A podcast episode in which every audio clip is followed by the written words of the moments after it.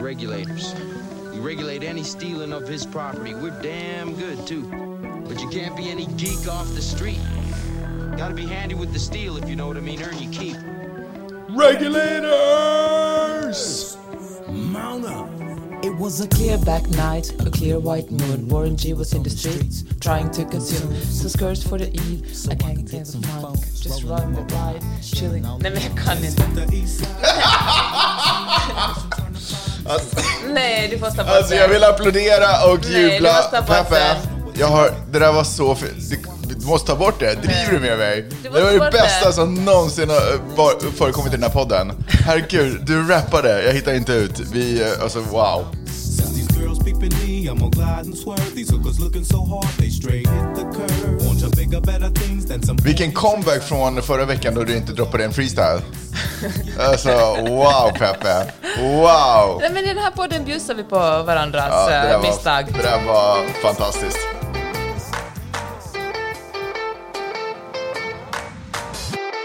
Du lyssnar på Magnus och Peppes podcast.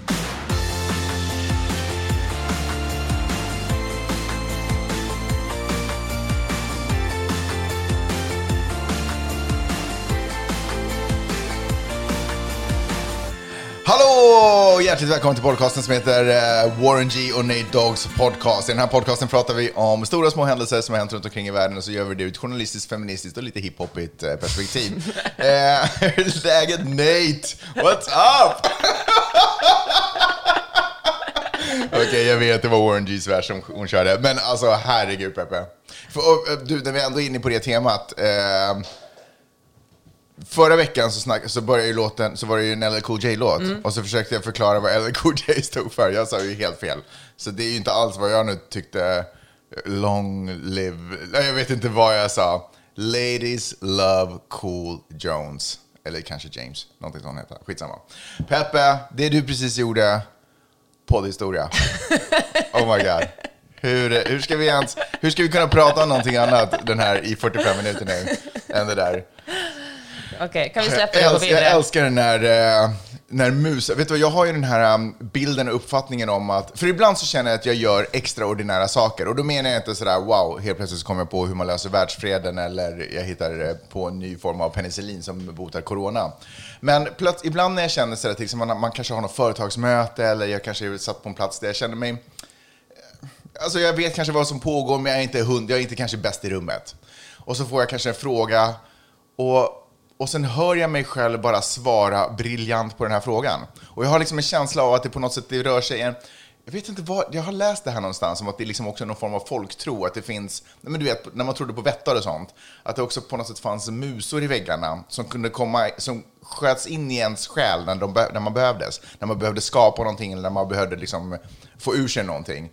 Eh, och ibland kan jag känna hur den där musen bara tar över min kropp och bara agerar och mina vägnar och det blir bara magi. Jag kan bara stå bredvid och titta på hur jag pratar och gör bra ifrån mig. Alltså så länge jag känt det har du faktiskt berättat det där för mig. Jag har aldrig upplevt det. Det har hänt så många gånger och, och det som är så sjukt är att om jag nu liksom spontant skulle få den här frågan, till exempel av dig, så skulle jag börja stamma och vet inte riktigt hur jag ska svara på den. Men på något sätt ibland så finner jag mig eh, och, och lyckas göra bra ifrån mig. Och Peppe, den musen som flög in i din kropp just nu, må, må, må den aldrig lämna dig. alltså, jag bara såg hur du fick något vilt i blicken. Du bara vände kepsen bak och fram. Du från under din t-shirt la du fram den här stora guldkedjan med några diamanter i sig. Alltså, wow. Okej. eh, ja, hur har din vecka varit? Uh, tack Magnus, den har varit bra. Det har varit en, uh, nej, men det har varit en bra vecka. Det börjar äntligen bli lite svalare här nere i uh, södra Kalifornien. I Och, västra uh, Kalifornien kan man väl också säga. Jag trodde faktiskt aldrig jag ska säga det, men det är faktiskt skönt med lite svalare väder. Alltså jag gillar ju när det är varmt. Ja, ja. För mig får det vara Ja. varmt hela tiden, vanligtvis. Men i år Varför säger du att det är skönt uh, eh, att det blir svalare väder? då? Alltså man kan ha lite andra kläder på sig än bikini. Det tycker jag är lite skönt faktiskt. Just det. Ja. Ja, det var jobbigt det måste vara för dig att gå omkring med bikini hela tiden. Det, det är så... uh, Jag förstår att folk sitter hemma och gråter. Ja, de bara, oj, oj, oj, oj, jag må kanske ha det jobbigt på mitt jobb, men Peppe, wow. Ja, Hörde, vi har också, apropå kyla, vi har bokat biljetter tillbaka till eh, Norden. Sjukt roligt. I början på december så landar, landar ett flygplan, så får vi se om vi få komma in. För det får vi väl. Alltså allt är så oklart kring det faktiskt. Vi Men vet du, ju... jag har släppt det. Har du gjort det? Ja, jag är inte, alltså det är vad det, alltså, Vi tar det såhär manjana, vi ser vad som händer. Ja, men i värsta fall så kommer jag väl inte, då får man väl åka tillbaka då. Det är väl lite boohoo på det. Men så här känner jag, kommer vi att åka till Sverige, sitta två veckor i karantän, så åker vi till Finland, sitta två veckor i karantän och sen åker vi hem. Ja, det måste man försöka lösa. Ja. Ja, vi får jag vet inte, Ja. men åtminstone så tycker jag att det skulle bli... Alltså jag har sett fram emot att åka hem ganska länge faktiskt. Förutom en liten paus då, eh, liksom under sommaren när corona var och man inte visste, allting var upp Mm. och ner, då hade jag tankarna på helt annat håll. Men redan i, liksom innan corona smällde på så hade jag verkligen, fan vad roligt ska bli att åka hem. Jag planerade nästan att åka och göra en liten snabb tur och tur fram och tillbaka. Eh, Men så sjätte serien. Nej, men det ska verkligen bli superkul att se familj och, och, och kompisar. Ni vet vilka ni är. Ni vet vilka ni är. Vi kommer att ha så roligt. Ja. Ska vi snacka om andra saker också? Ja.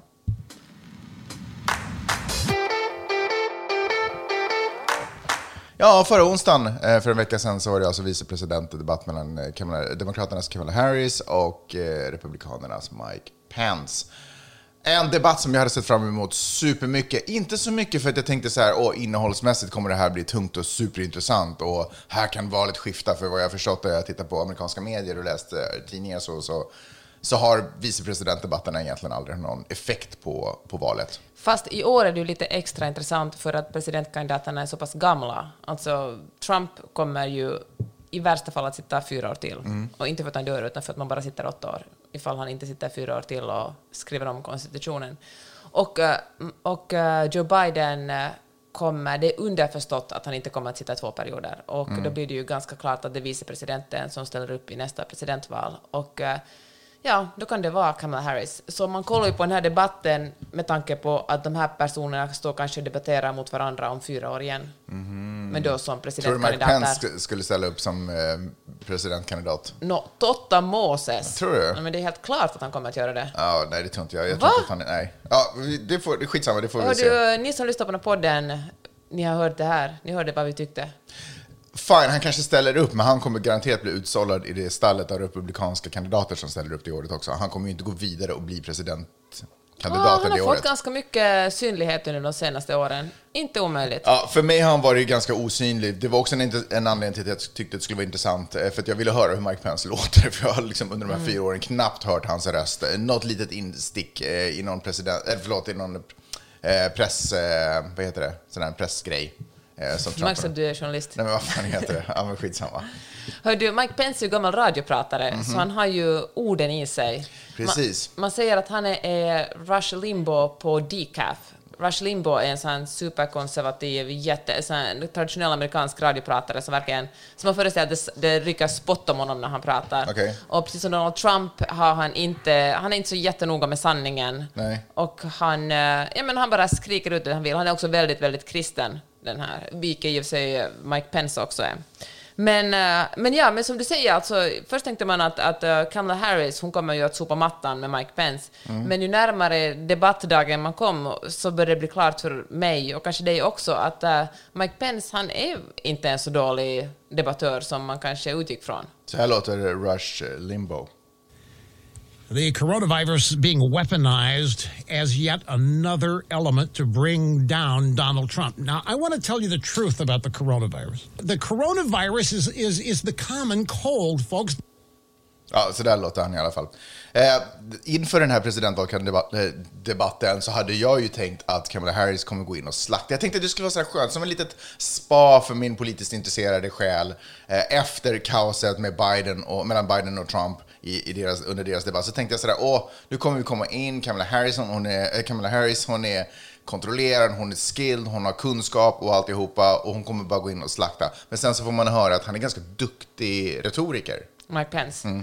Ja, jag hade också tänkt mig det att, att när man kollar på Trump och Biden så att man så här på soffkanten och lutar sig fram Ja. och lite nervositet, men att man bara skulle luta sig bak, tillbaka i Exakt. soffan och njuta av föreställningen. Exakt. Men, eh, men de var ju vassa båda två. Jag tycker faktiskt att eh, det inte fanns en så klar vinnare. Jag hejar ju såklart på Kamala Harris, Mhm. men eh, Mike Pence fick ju absolut fram sitt budskap. Han vill ju ha fram några saker. Han är ju otroligt aggressiv gentemot the Green New Deal, som alltså är demokraternas, sätt, demokraternas program för att på något sätt bromsa klimatkatastrofen. Ja. Där Alexandra Ocasio-Cortez har jobbat mycket hårt för det. Det handlar aldrig om att vara bland annat. Ja, ja, ja.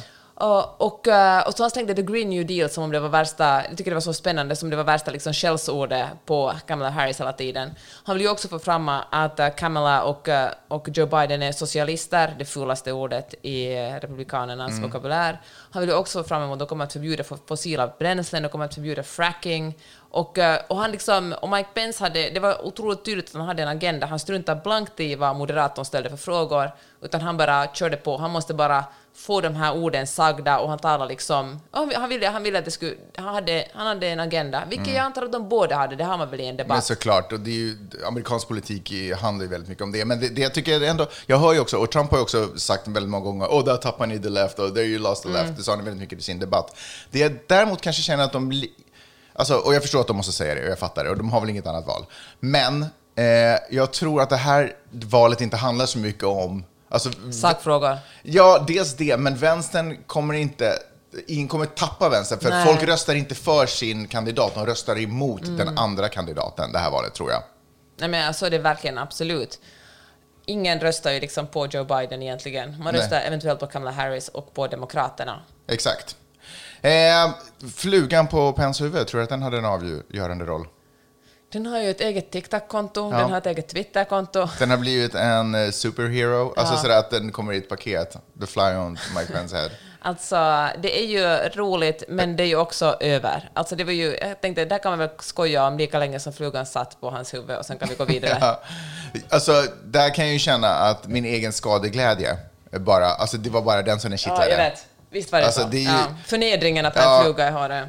Bet, hellre hans huvud än hennes huvud, om vi säger så. Verkligen. Jag förstår vad jag menar. Att hon skulle ha det också, så jag är väldigt tacksam för att den valde det, den luggen. Men får jag bara säga att Kamala Harris är ju så otroligt duktig. Jag tänker att när Joe Biden pratade för en och en halv vecka sedan mot Donald Trump, då satt man ju var lite nervös för att han skulle stamma. Inget fel på att stamma, men liksom för att folk Mm. Nej, nej, är. Mm. så otroligt känsliga för minsta lilla misstag eller svaghet. Eller att han skulle säga någonting. Han har ju en, en, en eh, track record att säga saker som kanske inte är alltid helt passande. Mm. Och, eh, men med Kamala Harris kunde man ju verkligen vara helt lugn. Hon, det kändes hon hade verkligen, varje ord som kom ur hennes mun var eh, planerat att det skulle komma ut. Ja. Men hon hade ju heller ingen lätt, lätt sits. Alltså i det här landet så hatar man ju kvinnor jättemycket och man hatar ju svarta kvinnor om möjligt ännu mer. Så hon kom ju verkligen, hon kom verkligen in genom, med eh, ganska många... Ja, men det var det är inte lätt att stå där för, som, som kvinna eftersom hon inte fick eh, bara bli arg, för då skulle man kalla henne hysterisk. Och, eller ännu värre, en, en, liksom, den arga svarta kvinnan. Det finns en stereotyp liksom, att arga, svarta kvinnor är arga. Ta, vet man lite historien om USA så fattar man ju varför alla, förstår man inte varför svarta kvinnor inte är ännu argare eftersom de är så otroligt diskriminerade och förbisedda i det här landet. Men hon skötte alltså otroligt bra. Hon, gjorde liksom, hon var saklig, hon sa allt med ett leende på läpparna. Hon, eh, hon, lät, eh, hon lät eh, Mike Pence avbryta henne och han hade tagit till punkt så hon kunde vara snäll och inte avbryta mig. Mr. Vice President, I'm speaking. Well, I'm speaking. be important if you said the truth. Joe Biden said twice in the debate last week that he's going to repeal the Trump tax cuts. That was tax cuts that gave the average working family $2,000 in a tax break every single year. That is- Senator, that is the math. absolutely not true. That Is he only bill- cutting? Is he only going to repeal part of the Trump tax cuts? If you don't mind letting me finish, we can then Please. have a conversation, okay? Visst är det snyggt så hon verkligen, hon är så noga med att inte avbryta honom. Ja. Han avbryter henne, men hon låter honom tala till punkt. Och hon är sådär, och man ser att hon också blinkar, hon blinkar inte men hon ser in i kameran, hon är lite sådär, så här är det att vara kvinna. Ser ni? Alltså Mike Pence är exemplet på det jag har fått utstått hela, det jag har utstått hela min karriär och som ni kvinnor också har utstått. Ni försöker säga någonting viktigt och så då glider det in en snubbe och talar över er. Man låter honom tala till punkt och sen säger man tålmodigt, ber honom inte avbryta en, han fortsätter avbryta en. Man andas lite och så kan man till slut säga lugnt och sansat det man vill ha sagt. När han anklagar en för att ljuga så ler man lite och säger att alltså, det här är faktiskt, på gränsen till att hon sa lilla vän eller älskling, Ja. det där stämmer faktiskt inte. Ja, det var ju snyggt. Jag var lite rädd för att hon skulle låta överlägsen, eller att folk skulle upp, uppfatta henne som precis, överlägsen. jag var också det. Och speciellt när hon eh, skrattade när han sa någonting. Eller, Absurt, Någon ja. gång så mimade hon till och med ett wow. När han, när han pratade, när han, när han påstod, när han sa saker som han påstod att de hade sagt. Eh, så sent som i morse på, när jag lyssnade på nyheterna på, här i USA, så vad heter det? här i USA, verkligen alltid stadsfester var vi är någonstans. Nej, men i morse när jag lyssnade på nyheterna så hö- hörde jag att en av de stora grejerna i det här valet är ju faktiskt kvinnorna. Det handlar om kvinnorna. Därför att det var väldigt många kvinnor som röstade på Trump eh, förra året, men att det nu, det här året, så håller de på att överge. Eh, och de har väldigt svårt att hålla kvar dem. Och speciellt vita kvinnor. Alltså Trump hade precis. väldigt många vita kvinnor. Och eh, ja, men de, alltså folk som ville ge honom, så att säga, inom stationstecken, ge honom en chans. Mm. Men nästan alla har gått över till, eh, till Demokraterna nu, Mm. eftersom de är besvikna på, vilket man faktiskt kan förstå. Vita kvinnor har inte, deras liv har ju inte blivit mycket bättre av att Trump kom in i, kom in i Vita huset. Nej. Nej, fråga vems liv som har blivit bättre. Ja, Jätterika människors liv har blivit bättre. ja 100 procent. Ja. 100 procent. Men, eh, Någonting annat vi behöver säga om president, eh, vicepresidentval. Tror, tror att den här, okej så här då. Nej, får jag, säga, jag, har bestämt, jag har två analyser. Ett, Ja. Mm. inte analyser, men två spaningar. Uh, Kamala Harris gjorde exakt det som Biden också gjorde. Hon var väldigt noga med att titta in i kameran och säga, och få fram sina budskap. Det gjorde sa- Pence också med jämna mellanrum. Ja. Och jag tänkte också på det när vi diskuterar den här, ehm, den här debatten och lyfta fram eh, det som Kamala sa och på vilket sätt hon var duktig och det budskap hon ville få fram. Det gjorde ju också Mike Pence väldigt tydligt. Han ignorerar ju liksom Moderaternas frågor och bara sa det han ville ha sagt. Och det fick mig att tänka på att den här debatten är ju lite som sociala medier. Att man tar till sig det man vill höra. Han talar ju verkligen till de som, som ska rösta på Trump och sa, räknar liksom upp alla de saker de vill höra. Vi kommer inte att eh, förbjuda fossila bränslen, vi kommer att ge alla skattelättnader och um, allt kommer bli bättre med Trump. Medan Kamala Harris sa saker som att eh, vi, vi, liksom, vi tror på en sjukvård för alla, vi tror liksom på ett bättre USA, ett lugnare USA. Och, eh, och det är ju det som Demokraterna, de som röstar på Joe Biden, vill höra. Så det är ju liksom... eh, Ja, men det är ju som att, att scrolla på sociala medier, man tar till sig det man vill och struntar i vad de andra säger. Eh, att politiker inte svarar på frågor är ju... eh, Det, så är det ju allmänt. Så är det ju svensk politik också. Jag kan tänka mig att det är samma sak i finsk politik. Politiker har ju aldrig som... De kommer ju aldrig till en debatt för att svara på frågorna, utan de kommer ju dit för att berätta sin egen, sin egen agenda. Sen kan man ju vara mer eller mindre smooth i det. Mike Pence var ju ganska tydlig att jag kommer inte svara på den frågan. Jag kommer ta tid av den här frågan och istället svara på det vi pratar, prata om det vi pratade om tidigare, för det passar mig mycket bättre att vi pratar om Han sa till och med det via Ja, ja, han sa det exakt. Han var inte, ens, han var inte så smooth eh, just när det kom till den grejen. Sen får jag, okej förlåt, jag vet att jag sa, sa det där med flugan och det kanske är småsint, men det var en, alltså han hade någonting i sitt vänstra öga också. Ja, pink Så, eye. ja, som fick honom att se ganska läskig ut när han stirrade. Och olyckligtvis så var han ju också placerad till vänster, vilket betyder att varenda gång jag tittade på Kamala Harris så blottades det ganska mycket. Hans positionering hade varit bättre om han hade varit där Kamala Harris satt. Liksom. För då hade det inte synts lika mycket. Tänk om det i efterhand går till historien. Du vet sådär, var inte Nixon som man ser att förlora en debatt för att han, hans, hans skäggstubb hade, han hade liksom en sån här afternoon shade på Mm. ansiktet. Ah. Tänk om det här liksom, Mike Pence pink eye kommer att gå till historien som gjorde det att han såg liksom, för det, TV är TV liksom. TV är. TV, alltså verkligen. Och, och USA har ju dessutom förfinat det där, eh, där politik och allting är, det är väldigt mycket underhållning. Och det är ju därför en snubbe som Trump kan sitta där. Därför att någonstans, det är klart att det kommer till, ner till sakfrågor, men det handlar otroligt mycket om hur de här sakfrågorna presenteras och liksom hur de paketeras. Eh, Och då är budgivaren, eller vad heter det, Bud, Bäraren. budbäraren är otroligt eh, viktig, helt enkelt. Och så är det bara. Vi är inte riktigt lika känsliga för sånt i svensk och finsk politik. Men däremot så tycker jag nog att det faktiskt har blivit så i svensk politik också. Om vi bara tittar lite på de partiledare vi har i Sverige så börjar de bli mer och mer fotogenika. Ska vi tala om det i nästa sjok? Oj!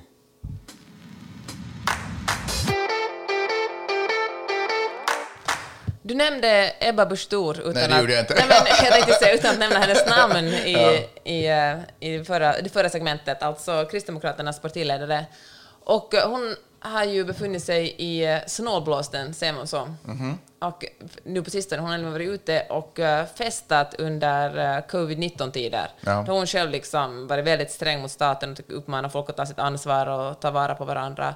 Och eh, så figurerar hon själv på Insta-stories dansandes och eh, bland en massa andra unga människor. Just nu är det väl, precis som i USA, är det väl i Sverige så att det är flest unga människor som sprider eh, coronan. De blir ju själva inte ofta sjuka, men så kanske de smittar någon som verkligen kan drabbas av det.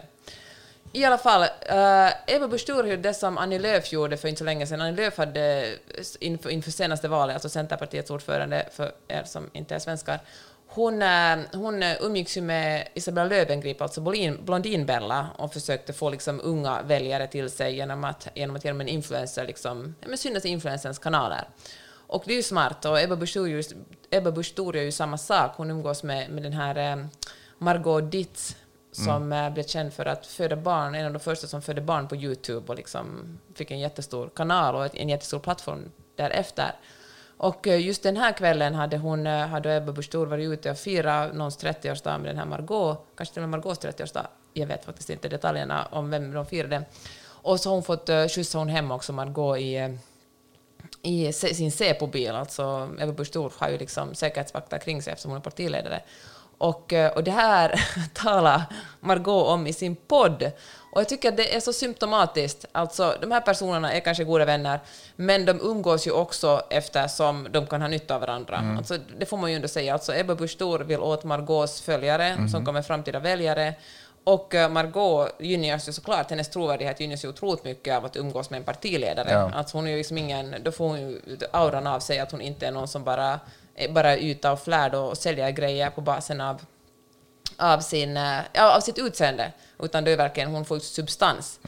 Och då tänker jag så här att, att eh, jag förstår dem båda och det är ju inte alls ett särskilt eh, dumt kompanjonskap, som om de gillar varandra. Men det här visar så tydligt att Margot slängde Busch Thor under bussen. Fast jag Alltså- tror inte ens hon tänkte att hon gjorde det. Nej. För, att hon, för att det här är just det som är grejen. De, har ju, de här människorna har ju ingen förståelse för det mesta, i de flesta fall, 90% av fallen, för hur politik och, och, och allt det här fungerar och samhällsansvar och vem som är skyldig vad och vad egentligen Säpo-vakterna, vem som egentligen betalar för Säpo-vakterna och vad de egentligen ska användas till. Så hon har ingen förståelse. Så hon tyckte det bara det här var en cool grej, för de vill ju prata om vad som är coolt i deras liv. Ja, ja, men det gjorde hon. Och, sen, och det roliga är faktiskt det att när det kom ut att alltså, hon talade om det här sin podd, hur coolt att hon var ute och festfirade med en partiledare, hon fick skjuts hem i Säpo-bilen. Och eh, när konsekvenserna kom, alltså när tidningarna började skriva om det här, att det här liksom okej, då klipper man bort det ur podden och låtsas som om det aldrig hände. Det, det är ju också liksom en... eh, Att, är det verkligen så här man justerar? Går det till så här? För att liksom i, i, en, alltså i, ett, i en tidning skulle man gjort en rättelse. Man var så här, att- och, men alltså det här var ju inte ens, alltså det var ju, ändå skulle man, skri- nej det var inte ens en fel, alltså skriver man någonting fel skriver i en tidning, då korrigerar man det. Men å andra sidan, det här var ju faktiskt sanningen, hon justerar ju bara sanningen, det här är ju någonting som sker liksom i... Hon tog bara bort en del av sanningen. Ja, så för det är att inte göra så det att det, snyggare. det Nej. är inte så att skeende, ingen har bett om ursäkt för skeendet eller något Nej. sånt. Det är inte så att skeendet har upphört. Men fast vi lever lite nu i den här världen där när det, någonting klipps bort från en podd, då är det liksom cleanat. Då är Ja. det clearat. Då, är det, då, är det liksom, då har man gjort, rått bot, eh, gjort bot för, för det, Ja. felgjorda. Eh, men så är det ju inte, utan antingen måste det till någon form av, man måste korrigera på något sätt, man måste prata om det, man måste lyfta upp det och man måste liksom, här, så här ska det inte gå till och öppet liksom förklara det. Men, eh, men det, är så, det är så enkelt nu för tiden. Och det så, jag tror faktiskt att, att alltså i det här fallet förlorar politikerna på att umgås med influencers. Jag tror faktiskt inte att, att Ebba Busch Thor kommer att gynnas av eh, Margot Dietz följare. Jag tror liksom inte att, de kommer, att Kristdemokraterna kommer att få så hemskt mycket fler röster. Jag tror tvärtom att hon kommer att ses som en kanske lite oseriös partiledare. Men här måste du ändå fråga, vad baserar du på att Ebba och Margot umgås i, i business-syfte? Varför, varför tror du inte att de är kompisar? För att annars skulle de, alltså om man är riktiga kompisar behöver man inte lägga ut varje stund man umgås med varandra. Om man umgås på riktigt, då, då är det liksom, det att, att de syns i varandras flöden gör det De självklart. syns för mycket i varandras Ja. flöden för att det ska kännas Jag trovärdigt. säger inte att de inte gillar varandra, de gillar säkert Nej. varandra också, men det är ju också en, liksom en, de gynnas ju också av varandra. Ja, okej, jag fattar. Det är när man träffar Oprah Winfrey en gång som man tar bilden. Exakt det, om man äter brunch med henne varje söndag behöver Mm. man inte göra det. Nej. Ja, så jag tycker att det är, men det är också, alltså, men samtidigt så alltså det är en, ehm, alltså det är en balansgång. Jag säger inte, alltså det är klart att Ebba också gynnas av det, men jag tror att det här kanske var en fel, att hon helt enkelt har, eh, att, eh, att definitivt vann Margot på just den här kvällen, och, den här, och kanske också generellt på den här vänskapsrelationen. Tror, men når den här informationen? Margot har en podd, men det är ju inte 50-taggare kanske som lyssnar på den podden. Nej, men nu har ju Alltså, liksom kvällstidningarna skrivit om det. Alltså, det, det, det alltså de som ja. läser tidningar har, har liksom, och som börjar tvivla jag på henne. Jag förstår. Vad tycker du generellt om det här samarbetet? Jag menar, det är ju inte konstigt att, jag menar, att politiker hittar folk som kan sprida deras budskap och, och få dem att se bättre ut. Jag menar, nu har vi influencers, men förut var det väl kanske, inte vet jag, Thomas Ledin kanske hängde med någon socialdemokrat förut. Inte fan vet jag, jag bara hittar på någonting nu. Nej, men jag förstår vad du menar. Men vet du, så här tycker jag. Alltså, det är ju alltid funnits... Politik och kändisskap är inte en svår koppling. Nej, men du har alltså Thomas Hedin är ju musiker och jag tänkte, och, och jag menar, alltså, om man har en, en eh, Säg så här, om du är känd för att du är en, en skådespelare, eller om du är känd för att du gör musik, eller du är en konstnär, eller vad som helst, då har du, ett, då har du liksom en följarskara.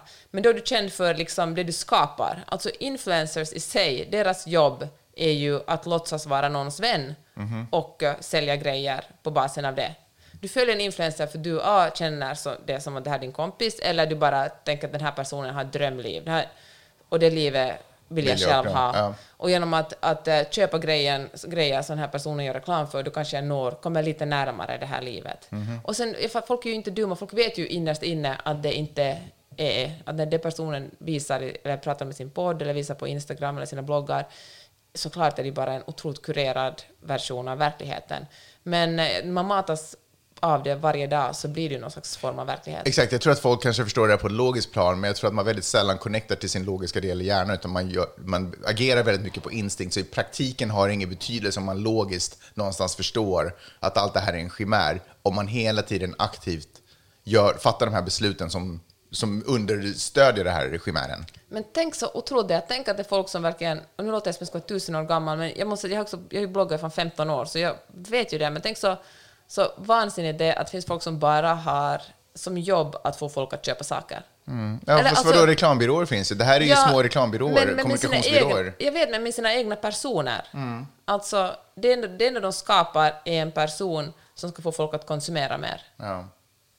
Sen, alltså, sen kan man ju säkert bredda på begreppet influencer. Man kan ju också, alltså Greta Thunberg är ju också en form av influencer. Alltså, hon vill ju att, alltså, jag tänker att det måste kanske finnas... Kanske en av de mest inflytelserika just nu. Precis, vi måste kanske... men Kanske man borde finnas flera, liksom flera så här, olika bransch, vad heter, grenar inom under liksom, helt namnet influencer. Det finns ju liksom sagt, det finns så många olika sorter, men just den här liksom, den kommersiella, att man säljer saker på basen av sin person, det borde ju få ett eget namn än bara influencer. Mm. Ett mer beskrivande namn. Mm. Ja, jag Ja. tycker det. Jag tycker, men jag tycker också det är intressant. Alltså det, jag skulle kunna tala om det här hur länge som helst, för jag tycker det är så intressant, för de här, det är ju också människor. De har väl, alltså, människor har ju rätt till vänskap. Det är klart liksom att, att om man går dit så är Ebba Busch Thor liksom bästisar, det är klart att de ska få vara vänner med varandra oberoende med vad den andra jobbar med. Mm. Det blir bara extra intressant när man ser vilken nytta de har av varandra, Mm. hur de liksom kan stödja varandra, men hur de kanske också kan hjälpa varandra, eller då liksom, den som har det, den som ligger lite högre upp i hierarkin, vilket ju helt tydligt är, Busch Thor. Det är ju klart att det är hon som har mer att förlora på att umgås med. med. Så det är ett risktagande. Sen vill jag ju ändå säga, jag vet inte, du kanske, ni kanske vet och förstår allt det här, men ibland när man pratar om influencers så låter det ibland som att det är en 22-årig tjej som poppar upp från ingenstans och helt plötsligt har miljontals följare på Instagram. Så är det ju oftast inte, utan det har ju varit en, en lång resa där de där de kanske har varit 15 och börjat skriva någonting på någon blogg, om något, alltså connectat med Mm. folk på, på ett organiskt sätt och liksom ändå har på riktigt har haft någon form av virtuell vänskap med, Mm. med sina följare och nära kontakter. De kanske har stöttat varandra. Och, men sen har åren gått och sen så har man liksom vuxit där, där, därefter. Så det är ju inte så att det är en så här ondskefull scheme eller en plott där någon bara haha, nu ska jag ta över världen Nej, och sprida inte. dåliga produkter till, eh, till alla som kan följa mig och så ska jag låtsas att jag älskar dem. Utan att det kan nog ändå ha börjat på en genuin och fin plats. Mm. Men sen så tror jag också att det är svårt att hålla koll på sig själv i en sån situation när man får otroligt mycket kärlek. Jag vet ju bara själv hur jag tappade kontakt med marken ibland under min tid som programledare. Nej, men alltså jag menar att det är, jag tror att det är svårt att hålla fötterna på jorden när man överöses med så mycket kärlek och man får så mycket frågor, folk är så intresserade av en. Eh, jag tror att det är, det är lätt att svepas med Mm. och Ja, tappa jag koll på vad som är rätt och riktigt och kanske få en, eh, en liten bild av eh, Kanske lite, alltså sin egen betydelse på något sätt kanske blir lite större. Jag menar, vi är ju alla viktiga, men ni kanske fattar vad jag menar. Ska vi gå vidare? Mm.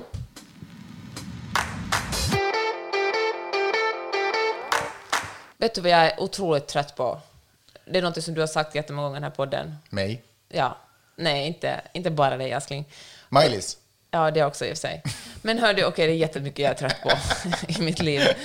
Nej, men när folk är så här, ehm, när man säger att oj, alla, alla opinionsundersökningar visar att Biden leder överlägset. Mm. Och så säger folk så här, ja, men det trodde de förra gången också om Hillary Clinton. Wow, vem låter sådär? Nej, men alla som säger så. Ah, okej. Till och med du i den här podden låter så. Ja, men jag har ändå sagt Ja. det. Jag har hört mig själv säga det. Och det är liksom den enda analysen de kommer med. Att, eh, det trodde man 2016 också, så ni ska inte tro för mycket.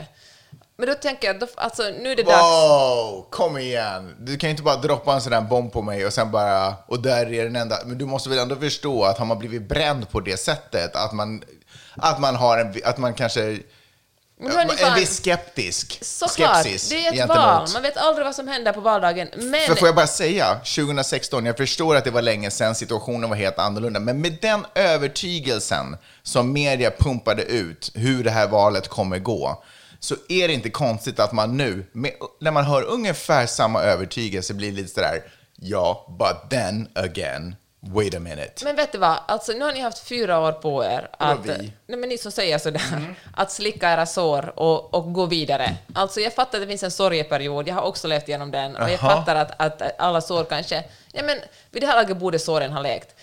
Och man får tycka det, men då måste man ju basera det på någonting mer. Då kan det vara sådär, i Pennsylvania till exempel, finns som en swing state, alltså en sån här vågmästarstat, delstat. Där finns det jättemånga demokrater som jobbar inom så här, som arbetarklassdemokrater som har gått över och nu vill rösta på Republikanerna, för de tror inte på Black Lives-rörelsen, de är rädda för att förlora sina jobb, de är rädda för the Green New Deal.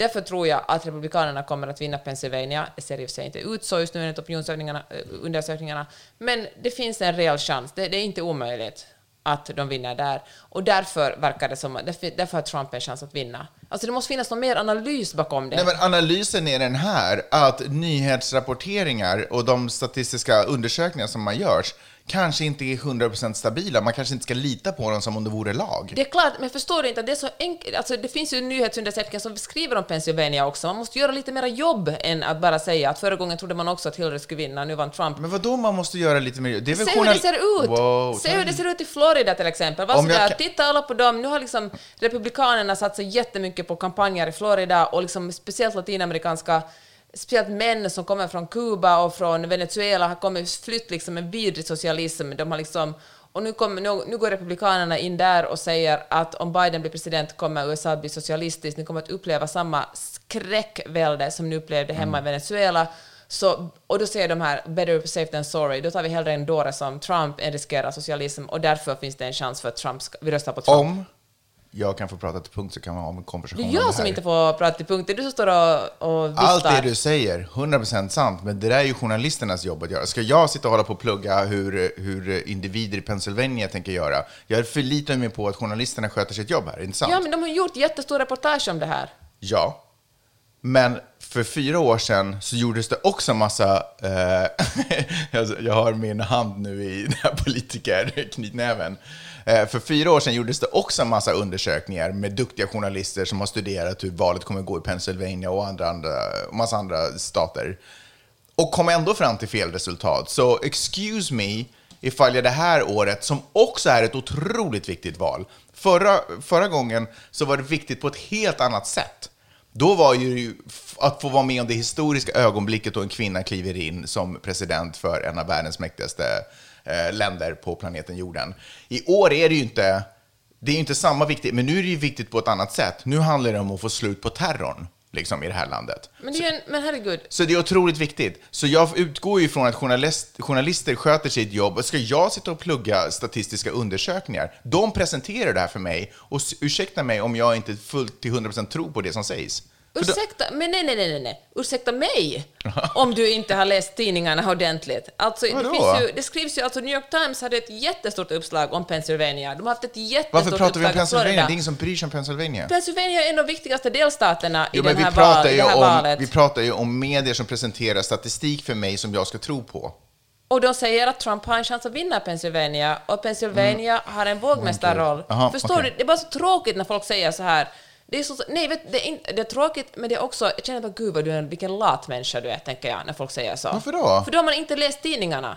Vadå inte läst För tidningarna? det står, ju, det står ju exakt vad som händer. Det står vem det är som kan tänkas rösta på Trump, hur många miljoner människor det finns som kan tänkas rösta på Trump, hur många miljoner som har gått över från demokrater till republikaner. Det är ju inte så att alla medier skriver att det skriver så här, sannolikheten, obs, sannolikheten att Joe Biden ska vinna är mycket större än att Donald Trump ska vinna. Mm. Men Alltså för att medierna vet också om det här, att, att journalister vet också om att man trodde att Hillary skulle vinna för fyra år Mm. sedan, men att Trump vann. Det är, liksom ingen, det är ingenting som bara är en hemlighet mellan dig och mig. Nej. Och därför tittar de på ett helt annat sätt på opinionsundersökningar, därför gör de helt andra, helt andra intervjuer. De åker liksom till röda ställen, de åker till ställen som förr var blåa men nu är Mm. röda och intervjuar folk.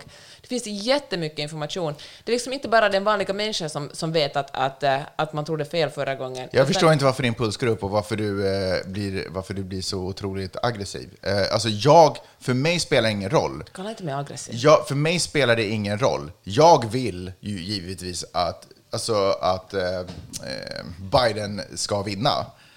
Men, men det spelar ingen roll vad, vad, vad liksom media Men- säger här. Det får ju bara visa sig. Men, men det spelar ju jätte, det är jätteintressant att diskutera det här. Det är det som jag tycker är tråkigt.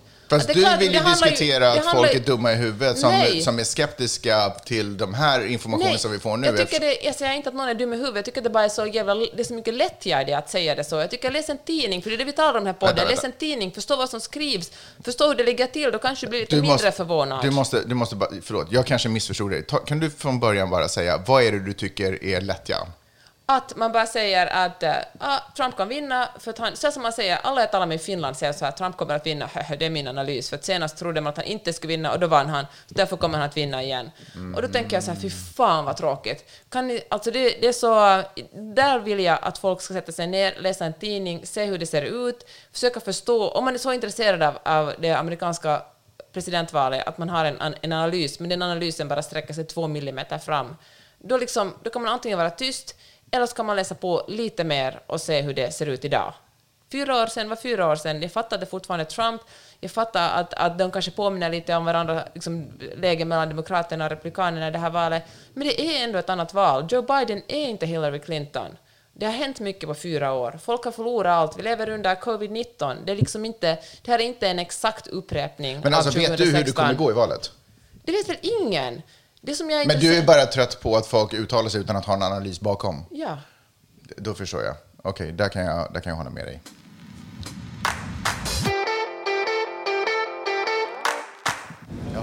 Just going back to my original question about the things that, you know, when, when you run for president, you have a record on all of these issues. And then we've seen that record and her stance on them changing over time. So, there's no doubt she's going to be asked about that tonight. Can you give us some insight into what she might say to justify why she was for Medicare for all then and is not for it now, for example? Well, there's a classic parlor game of trying to find a little bit of daylight between running mates. And if people want to play that game, we could look into why a, an evangelical Christian like uh, Mike Pence wants to be on a ticket with a president caught with a porn star, or how he feels about the uh, uh, immigration policy that he called unconstitutional before he decided to team up with Donald Trump. If folks want to play that game, we, we could do it all night. But uh, I think what most Americans want to hear about is are our families going to. Och upp kommer Pete Buttigieg. Så snyggt. Ja. Alltså, det får man ändå säga om amerikanska politiker. Fy fasiken vad bra de är. Ja, han, de är slipade. Inte alla, men han är ju verkligen en av de som är slipade. Kanske det är han som ställer upp i nästa presidentval och inte Kamala Harris. Han kommer nog att ställa upp förr eller senare. Men, Han kanske måste eh, bli lite äldre först.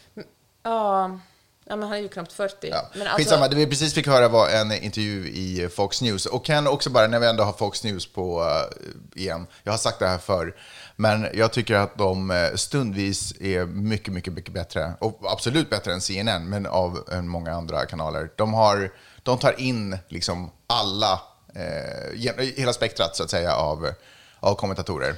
Ja, alltså, jag måste också hålla med dig. Vi har ju haft på Fox News ganska mycket här. Mm. Och inte liksom- deras opinion pieces, alltså inte Nej. Hannity, inte den där andra galningen, utan jag pratar om nyheterna. Men det är just det som jag ska komma till, hur otroligt viktigt det är att se skillnad på vad som är åsikt, alltså när det är någon alltså, som bara pratar ut sina egna åsikter Mm, och liksom har en agenda. åsikter, ja. Eller när det handlar om nyheter gjorda av journalister. Och det här Mm. gäller såklart TV och extremt mycket TV-nyheter i USA. Men det gäller också när man läser tidningar eller lyssnar på fan, podcast eller Mm. radio, vad som helst. Försöka fatta vad som skillnaden mellan riktiga journalistiska nyheter är och vad som är, vad som är åsikter. Jag har hört eh, Fox nyhetsankare eh, säga till eh, han som typ var chef för kampanjen eller något liknande, så här, eh, efter att han hade gjort sin lilla, sitt lilla tal om varför Trump är bra och allt sånt där. Hört henne säga, eh, klart du säger så, du är ju chef för den sidan. Mm. Att sådär, ändå ganska fri, jag vet inte, jag tycker det låter fri, stundvis ganska frisk nyhetsrapportering, tycker jag. Ja, nu Och det här var alltså but, eh, but, eh, Pete Buttigieg. Jag kan, Judge. jag kan fortfarande inte säga Pete Buttigieg. Ja, men jag blev osäker, för jag har alltid tänkt att det är Pete Buttigieg, och nu sa de Pete Buttigieg. Alltså jag blir skitsamma, som då är demokrat. Eh, Och han var ju med, han var ju en av presidentkandidaterna.